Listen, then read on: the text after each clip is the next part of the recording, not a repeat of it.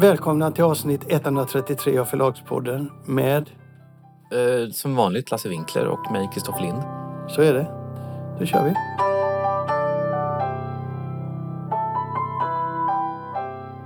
Som alltid så blir jag ju väldigt förtjust när jag eh, läser eh, kulturjournalisters analyser eller försökta analyser av bokbranschen.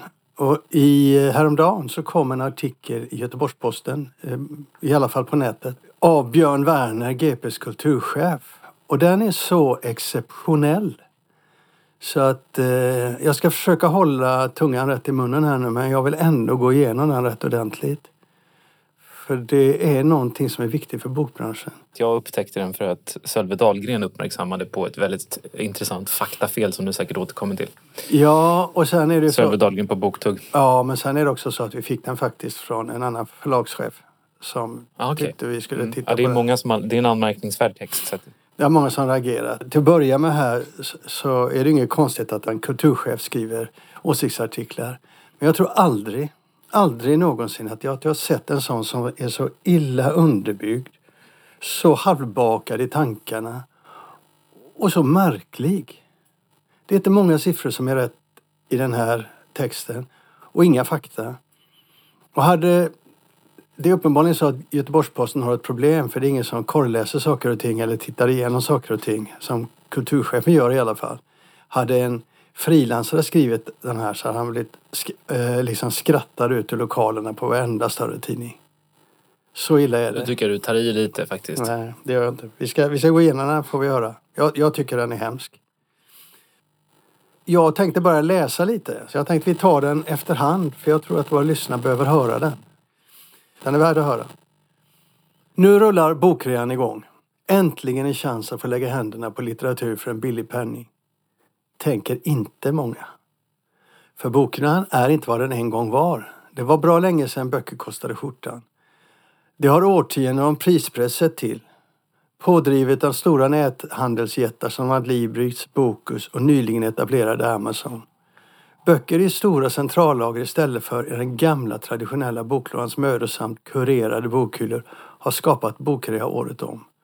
Och då har vi inte ens pratat om strömningstjänsterna som helt slagit ut behovet av att alls köpa en fysisk bok. Alla påståenden i den, eh, i, i den delen är falska. Alla. Utom att det var bra länge sedan böcker kostade skjortan. Mm. Och att bokrean inte är vad den en gång var. Fast det är, ändå, det är ändå resonerande, det är ändå resonemang så att säga som kan, du kanske inte tycker stämmer men det är inte faktafel i sig. Ja, det, när, men han säger så här, det har, det har årtionden av prispress sett till pådrivet av de stora näthandelsjättarna som Adlibris, Bokus och nyligen etablerade Amazon. Det är ju så att prispress finns hela tiden på marknaden oavsett om det fanns några näthandlare eller ej. Så länge vi har fria priser så är det ju det som händer. Sen har ju den, så det hänt saker under näthandlarna såklart eftersom de är andra, helt andra djur än vad bokhandeln- den fysiska bokhandeln är. Så skriver han böcker i stora centrallager istället för i den gamla traditionella boklådans mödosamt kurerade bokhyllor har skapat bokrea året om. Ja, det är retorisk eh, fint där. Men han ska ju gå och titta på vad en del, eh, en del fackböcker kostar då så skulle han ju inte tro att det är bokrea året om. Och dessutom skulle han titta på statistiken så skulle han se att böcker har ökat i pris senare år.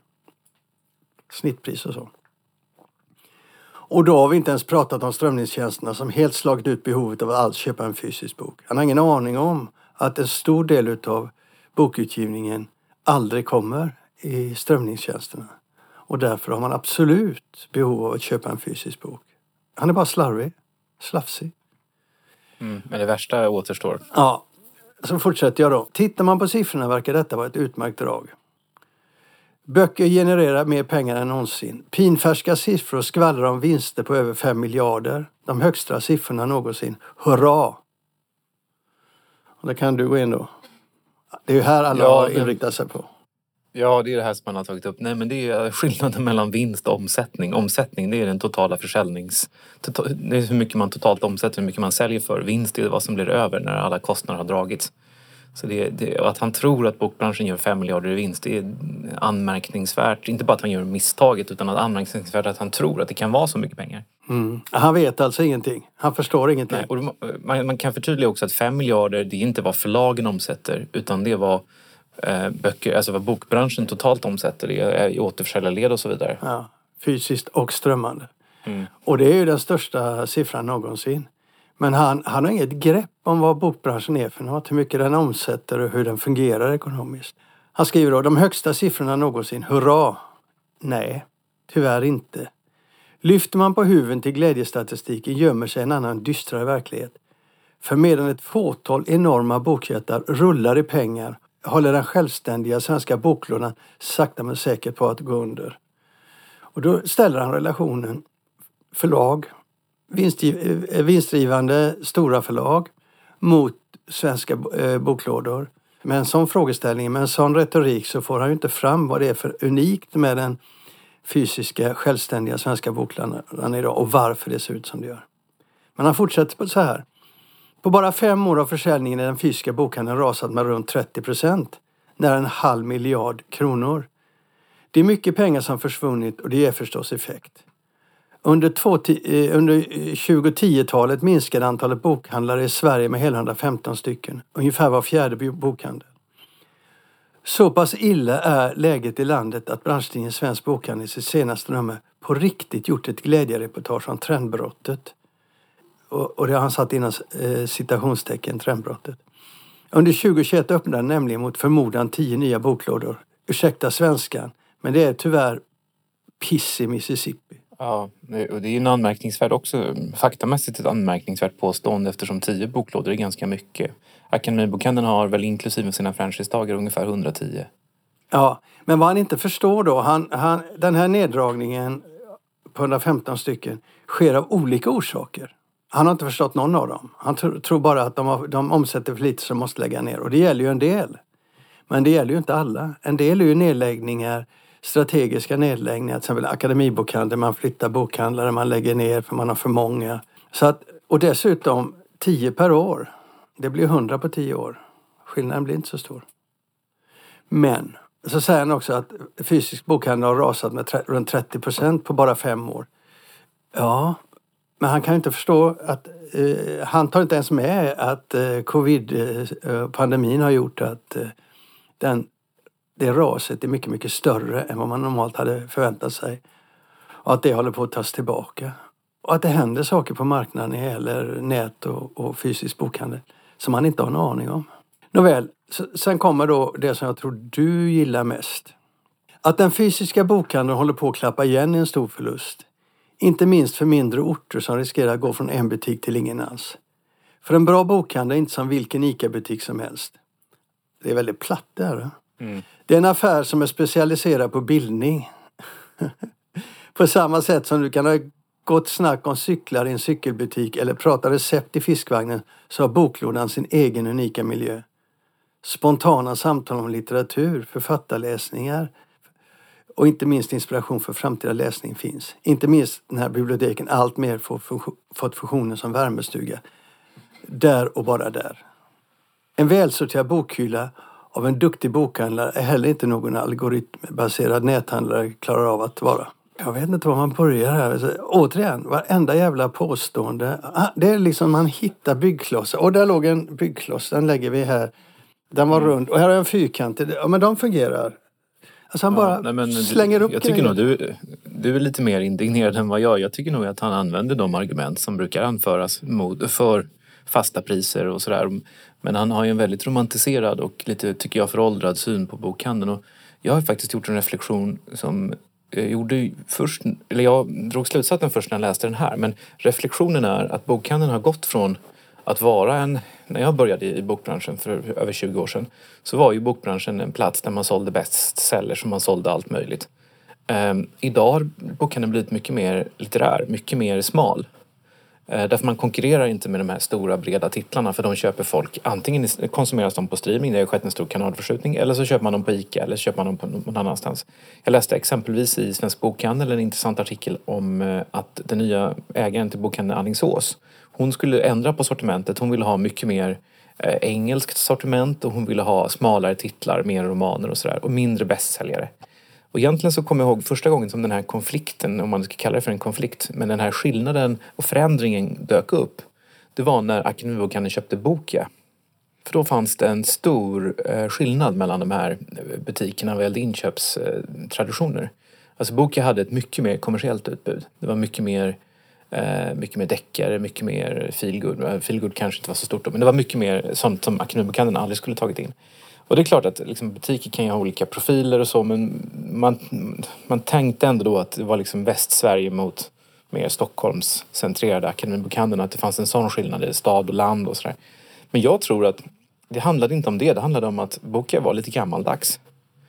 Eh, man hade väldigt mycket av de här bästsäljarna som eh, låg travar på ICA och sådär. Och om man har fasta priser då kommer samma böcker att ligga överallt och då kommer folk att köpa mycket mer av de här grejerna i den fysiska bokhandeln. Men om man inte har fasta priser så tvingas bokhandeln att bli lite mer intressant. Det är dit man går för att upptäcka saker. Så jag, jag tycker verkligen på riktigt, det här är inte ett försvar för, för, för fria priser. Jag tycker på riktigt att bokhandeln har blivit så enormt mycket mer intressant och bättre i Sverige idag än vad den var för 15-20 år sedan. Jag bara säger en grej där. Att han tycker att att en bokhandel är en affär som är specialiserad på bildning. Det kan man ju hånskratta åt, tycker jag. Ja, det kan man verkligen hånskratta åt. Men, men det är inte bokhandeln. Bokhandeln är en affär specialiserad, eller eh, fokuserad på försäljning. Och de säljer böcker. Och en del bokhandlare bar på att lyfta fram böcker och så, men alla bokhandlare är inte det. Och en del är bildade som står i butiken, en del är det inte. Så det där är ju väldigt ojämnt. Men att säga att det är liksom bokhandelns roll. Överhuvudtaget så, så är han en indignerad konsument, eh, medelklass eh, med väldigt privilegierat liv som inte fattar hur det här fungerar.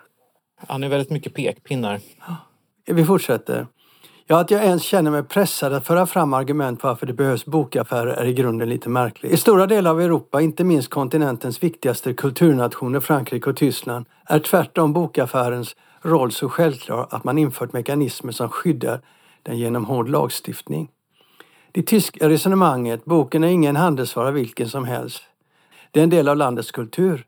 Om man konkurrensutsätter litteraturen så minskar dels mångfalden i litteraturen och dels mångfalden i antalet självständiga bokaffärer, inte minst på landsbygden. Vad säger du om det? Nej men jag, det är väl ofrånkomligt så att om man skulle införa fasta priser så blir det mycket lättare att driva bokhandel och många bokhandlare som har det tufft skulle få det, få det lättare, så är det ju. Eh, och omvänt om man skulle ta bort, om man skulle införa fri konkurrens i Tyskland på bokhandelssidan så skulle ju många misskötta boklådor eller boklådor som, som har det tufft, de skulle då försvinna. Men, men eh, utan att anlägga någon slags creative destruction resonemang, så eh, liksom, kreativ förstörelse, så tycker jag ju liksom att det är, det är svårt att med lagstiftning hitta på saker som ska stoppa en teknisk utveckling. För det är ju trots allt teknikutveckling som har drivit förändringarna. Folk vill köpa böcker som är billiga. Folk vill köpa böcker av olika skäl på nätet. Folk vill lyssna på böcker. Och att säga, att inte förbjuda, men att styra den konsumtionen genom lagstiftning eller skatter och sådär. Det, det, det, tycker jag är tveksamt. Mm. Men, men, men han har ju rätt i naturligtvis att det, visst är det lättare att driva bokhandel om det är fasta priser. Om ingen kan konkurrera med bokhandeln. Nej, jag, jag ska återkomma till det, man ska läsa ett stycke till. Det är bara två stycken kvar. Lösningen så här då. Avskaffa den eviga pressen vi inför ett prisgolv på litteratur. Då är det alltså då fasta priser.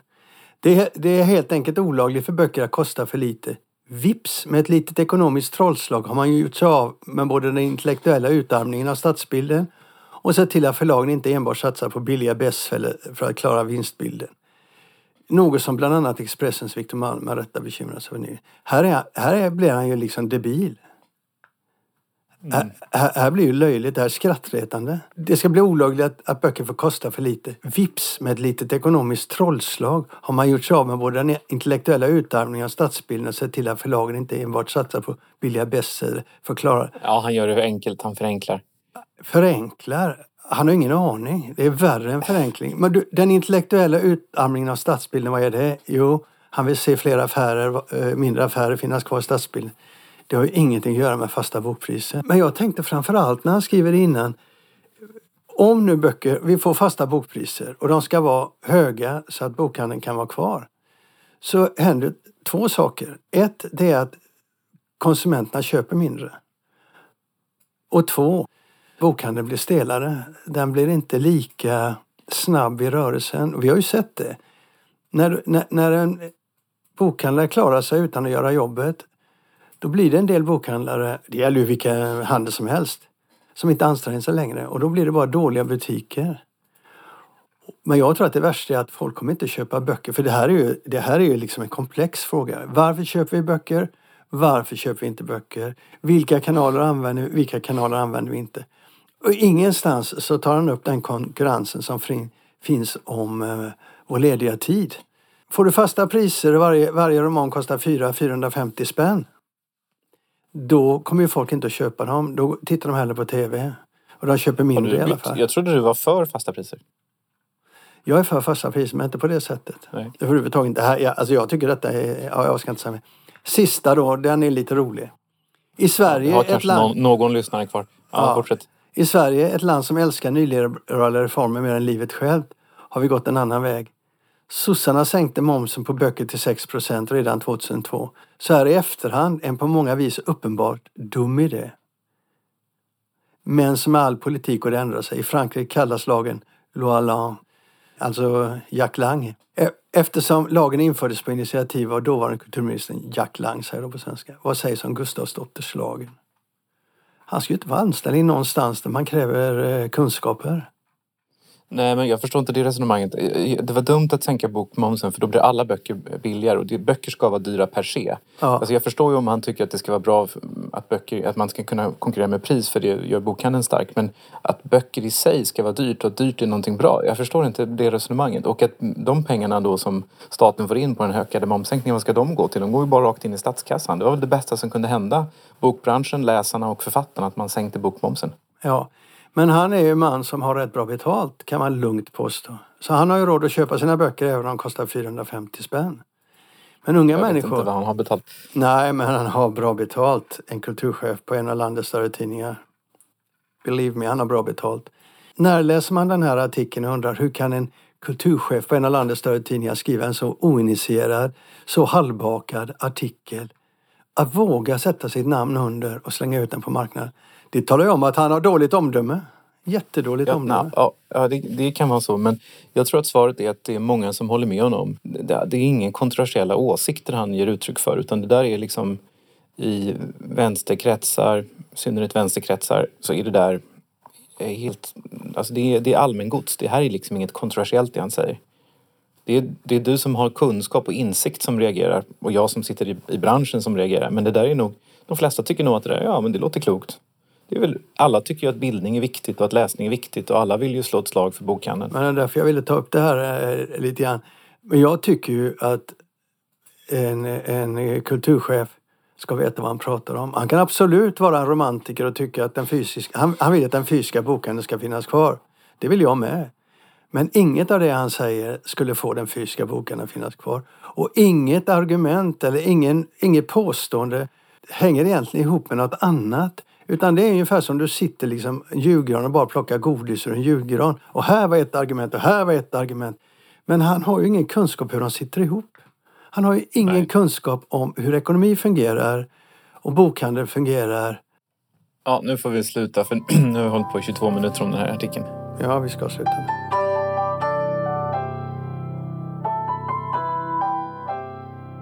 Du, vi fick ett mejl från en lyssnare, en författare, som inte var så nöjd med oss.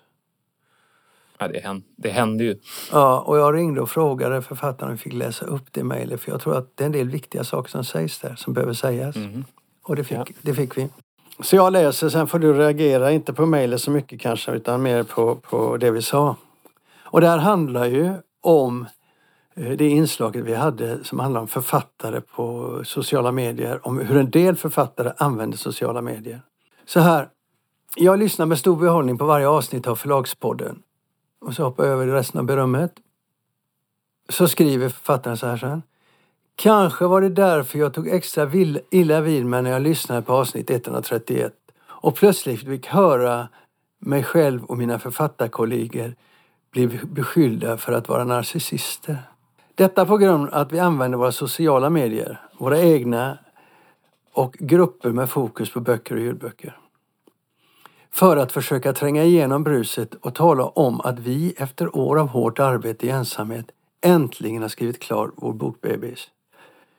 I inslaget beskriver ni oss som uppmärksamhetssökande monster inom citationstecken och kallar oss inom citationstecken tondöva när vi berättar om våra böcker eller att en bok har blivit såld utomlands eller blivit nominerad till en utmärkelse. Vad ni inte tar upp är att det är vårt enda sätt att nå ut. Vi okända författare som inte kan förlita oss på feta marknadsföringskampanjer eller dyra PR-agenter. Vi som inte blir recenserade i tidningar eller får sitta i tv-soffan är hänvisade till de få kanaler som står till buds. Ni glömmer också att nämna att den marknadsföring vi ägnar oss åt ofta uppmuntras av förlagen. Ja, faktiskt i många fall förväntas av oss. Och sen så är det en del saker till. Men det där var det viktigaste. Mm. Och det var en röst som jag tycker eh, behöver höras. Vad säger du? Jag hade ju på känn att när vi, när vi sa de där sakerna att det var folk som skulle känna sig påhoppade. Men kontexten var ju, vi talade, jag tror vi talat om det där vid två tillfällen eventuellt. Men vid ena tillfället så handlade det om det här med Stefan Ingvarsson hade gjort ett inlägg på Facebook där han skrivit om att det har blivit en, det var många som hade klagat på att de inte hade fått stipendier och sådär. Och då så hoppade vi vidare där och liksom sa mm. att det det finns någonting i sociala medier där väldigt många, då tyckte jag, eller du, eh, är tondöva. Man bara gör reklam för sig själva. Och... Inte är särskilt eh, ödmjuka nej, eller nej, öppna och... mot andra, talar om andras böcker. Utan man bara pratar om sig själv hela tiden, hela tiden, hela ja, tiden. Precis. Och sen, och sen var det ett annat sammanhang där vi också var inne på det här och det var i samband med eh, de här ljudboksgrupperna. Att det är väldigt många författare som aldrig tipsar om andra författares böcker utan bara om sina egna. Och när någon frågar, finns det någon serie i likhet med Joy Ellis eller någonting. Som, och så kommer de nästan alltid per automatik och svarar att ja, men min serie och den här och den här och den här. Och det där kan jag bli trött på och det är jag inte trött på som förlagschef. Här uttalar jag mig som privatperson, som Kristoffer Lind som gör en podd med Lasse Winkler och jag vet att alltså, det, det, är bara en, det är bara en, liksom en konsumentreflektion från min sida att de, de författarna som bara har sådana sidor, de blir ju helt ointressanta. Sen kan det ju vara Sen kan det ju vara liksom eh, i deras grupp så kan det där vara en ton. Liksom man jämför sig hela tiden och man har bilder på förlagsfester och såna saker och titta nu här sitter jag med min förläggare. Så det kan man ju hålla på med. Jag tror inte att det där är ett effektivt sätt att driva sociala medier utan jag tror att man måste ha ha en mer eh, eh kommunicerande ton med sina läsare om man nu vill att det ska liksom få genomslag. Men eh, för annars blir det bara reklam och det spelar liksom ingen roll om reklamen kommer från McDonalds eller från en författare. Sen var det inte meningen att vi skulle göra folk ledsna. Alltså, var, vi kanske uttryckte oss, det gör vi ju ibland, slarvigt. Då får vi be om ursäkt. Men eh, jag står nog för att jag tycker att eh, ska man som författare kommunicera på Facebook så får man försöka göra det eh, Eh, lite mer än att bara säga nu har min, mina böcker sålt så här mycket eller översatts till de här. Och det spelar faktiskt ingen roll om man är liten eller stor, om man är etablerad eller oetablerad. Det finns ju en del väldigt etablerade författare som bara lägger ut pressreleaser. Och det är ju också helt ointressant. Fast det är klart att det finns de som gillar det. För mig ger inte det någonting. Då går jag tillbaka till, till eh, lyssnarens eh, mejl till oss. Jag tycker att det som sägs i det mejlet behöver sägas och att det har sin bäring. För det är ju skillnad på författare och författare. Alla är ju inte så att de bara fokuserar på sig själv.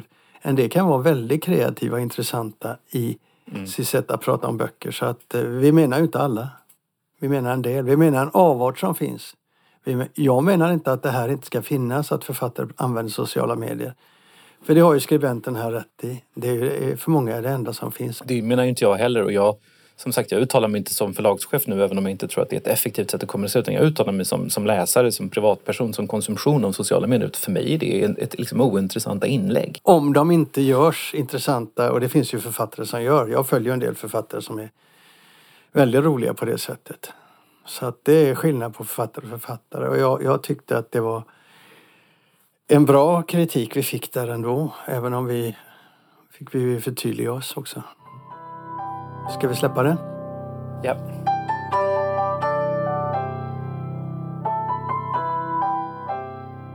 Det är en annan grej som är rätt intressant. Det är en eh, understreckare i Svenska Dagbladet det är eh, Ulf Bjäreld som väl är någon slags professor idag, va? Är han inte det? Ja, han är professor i statsvetenskap vid ja. Göteborgs universitet. Ja, just det. Så har han gjort en, en uh, understreckare som heter Därför har Nordic Noir nått vägs ände. Mm. Ja, vad tycker du om den? Jag delar inte alls den eh, slutsatsen han drar, men jag, delar inte heller hans premisser. Men jag kan ju berätta för läsarna vad han, vad han driver för tes. Han menar på att, att eh, Nordic Noir, de, de liksom, det som framförallt då förkroppsligas av eh, Sjöwall men också av Stig Larsson. Henning Mankell också. Det bygger väldigt mycket på att, att eh, alltså framväxten med samhällsförändringar och auktoritetsuppror och en längtan tillbaka till ett välfärdssamhälle som håller på att raseras. Och att det finns väldigt mycket av nostalgi och liksom sorg och saknad över någonting som inte längre finns utan någonting som har gått förlorat. Och det är det som liksom Nordic Noir, det är det som definierar Nordic Noir, det är det som böckerna avspeglar. Men sen har han då läst Obscuritas av David Lagercrantz och kommer fram till att samhällskritiken då är väldigt nedtonad och, och, det skulle kunna utspela sig i Stockholm, eller Stockholm men lika gärna någon annanstans. Men det svenska samhället fungerar ganska bra. Det finns naturligtvis gängkriminalitet och hedersförtryck men som han skriver citat, framställningen blir aldrig alarmistisk och ställs heller aldrig i kontrast mot någon nostalgisk längtan tillbaka till ett samhälle som i strikt mening aldrig existerat. Slutcitat. Och sen så kommer han då till slutsatsen och det är att kanske har Nordic Noir nått vägs ände. Den underliggande berättelsen i Nordic Noir handlar om en längtan till något som tidigare kanske funnits och en saknad och sorg över något som gått förlorat. Ja, man undrar ju lite grann hur många deckare som Ulf Bjereld läst och läser och vad han baserar liksom det här på. Liksom hela resonemanget som i och för sig är intressant bygger ju på en definition av Nordic Noir som jag skulle säga är väldigt smal men som har blivit liksom någon slags gängse liksom, definition i akademiska eller liksom, intellektuella kretsar. Det vill säga att det är liksom en kritik mot, mot liksom välfärdsstaten och liksom att, det, att det finns väldigt mycket samhällskritik i den och sådär. Allt bygger ju nästan på Sjöwall Wahlöö. Men om man, läser, om man tittar på hur liksom kriminallitteraturen ser ut idag, om man då liksom klämmer in alla, alla liksom böcker som kan kategoriseras som kriminallitteratur under Nordic Noir så är det ju ett paraply som är otroligt brett.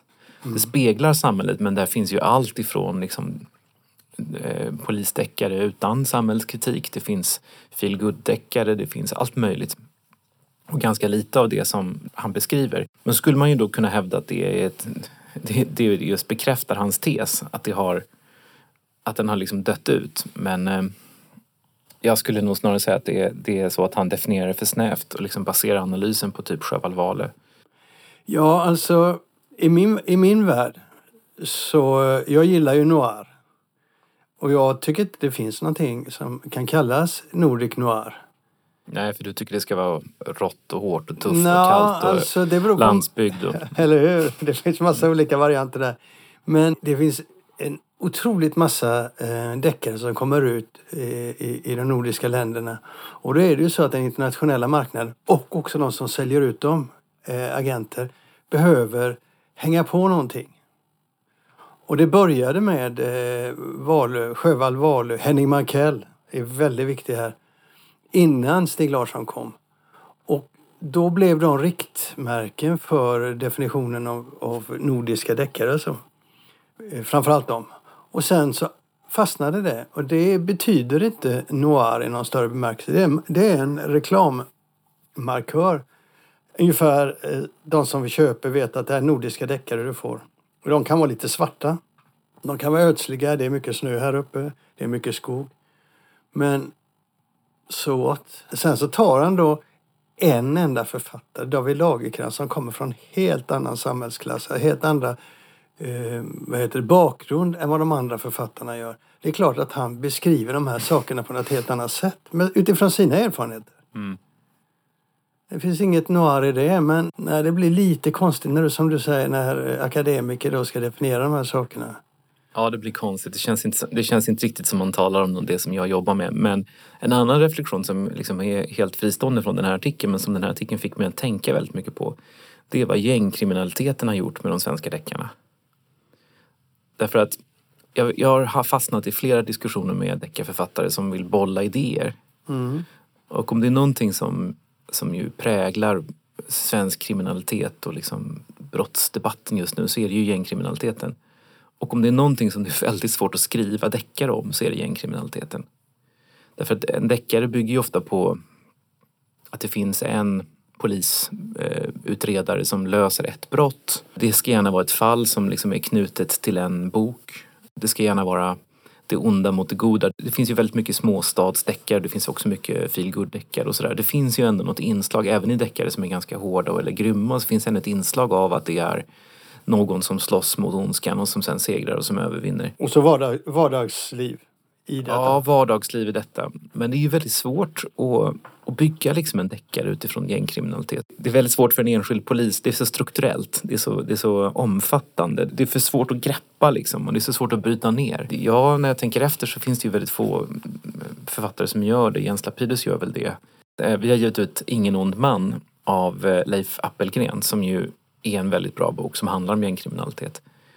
Men, men det ställer helt klart utmaningar till författarna, i synnerhet de som skriver lite, lite mer traditionella deckare och feel deckare mm. Hur definierar du Nordic Noir då? Om du tycker att man, jag tycker inte man ska definiera det för jag ser det inte som att det finns en, en definition på det som ges ut idag. Nej, jag har aldrig ens tänkt tanken att jag skulle definiera det men du har ju naturligtvis rätt i att när man talar om Nordic Noir, i synnerhet när man talar om det internationellt så är det ju det som det syftar på och man syftar ju på det som är specifikt för den svenska deckaren och att det liksom är just mörkret, skogarna, att det finns någon slags sorg, någon melankoli i böckerna och sen också gärna en samhällskritik. Det är väl sånt som man, som man gärna förknippar då med, med Nordic Noir. Men jag skulle säga att de inslagen är mindre mindre vanliga i svenska deckare och på så sätt så har han ju rätt. Det är ju så om man tittar på den oerhörda mängd som ges ut idag så är inte särskilt mycket noir. Men det är sant att de som har lyckats internationellt de skapade en plattform och en förväntan. De som blir riktigt stora. Det är inte så att alla svenska deckarförfattare har lanserats utomlands. Det är först på senare år när detta blir stort. Innan så var det ju just de här som var mycket noir. Men idag är det otroligt mycket mer. Idag, idag är det otroligt mycket mer och jag tror att en av Camilla Läckbergs stora framgångar, kanske även Lisa Marklund men framförallt Camilla Läckberg, det var ju att det inte var Nordic Noir utan att det var livspussel. Det var ju någonting nytt, i synnerhet i länder som Frankrike där hon exempelvis har blivit jättestor. Så jag tror att utgångspunkten för hans resonemang är felaktigt. Jag, jag tycker inte man kan dra de slutsatserna. Och sen att han drar det bara på en enda bok, det, det, det stör mig. Det är väldigt konstigt. Jag, jag, tror inte han, han läser deckare alltså. Utan han har läst Sjöwall Wahlöö när han var ung och så har han läst Stig Larsson och så blev det en, eh, klämde han en lagerkrans här i somras och då skrev han ihop det här. Det känns väldigt ovetenskapligt för att vara skrivet av en professor. Ja, det är det verkligen. Det är väldigt mycket känslor i detta. Ja, eller, eller antaganden som, som faktiskt inte bygger på fakta. Ja, men det är sant. Men ska vi släppa den eller har vi något mer att säga om ja, den? Nej, vi släpper den. Jag tror att den kommer att diskutera mycket innan vi kommer ut med vårat. För det är många som kommer att reagera i, i, i alla fall i förlagsvärlden på denna. Det tror jag. Ja, det är möjligt.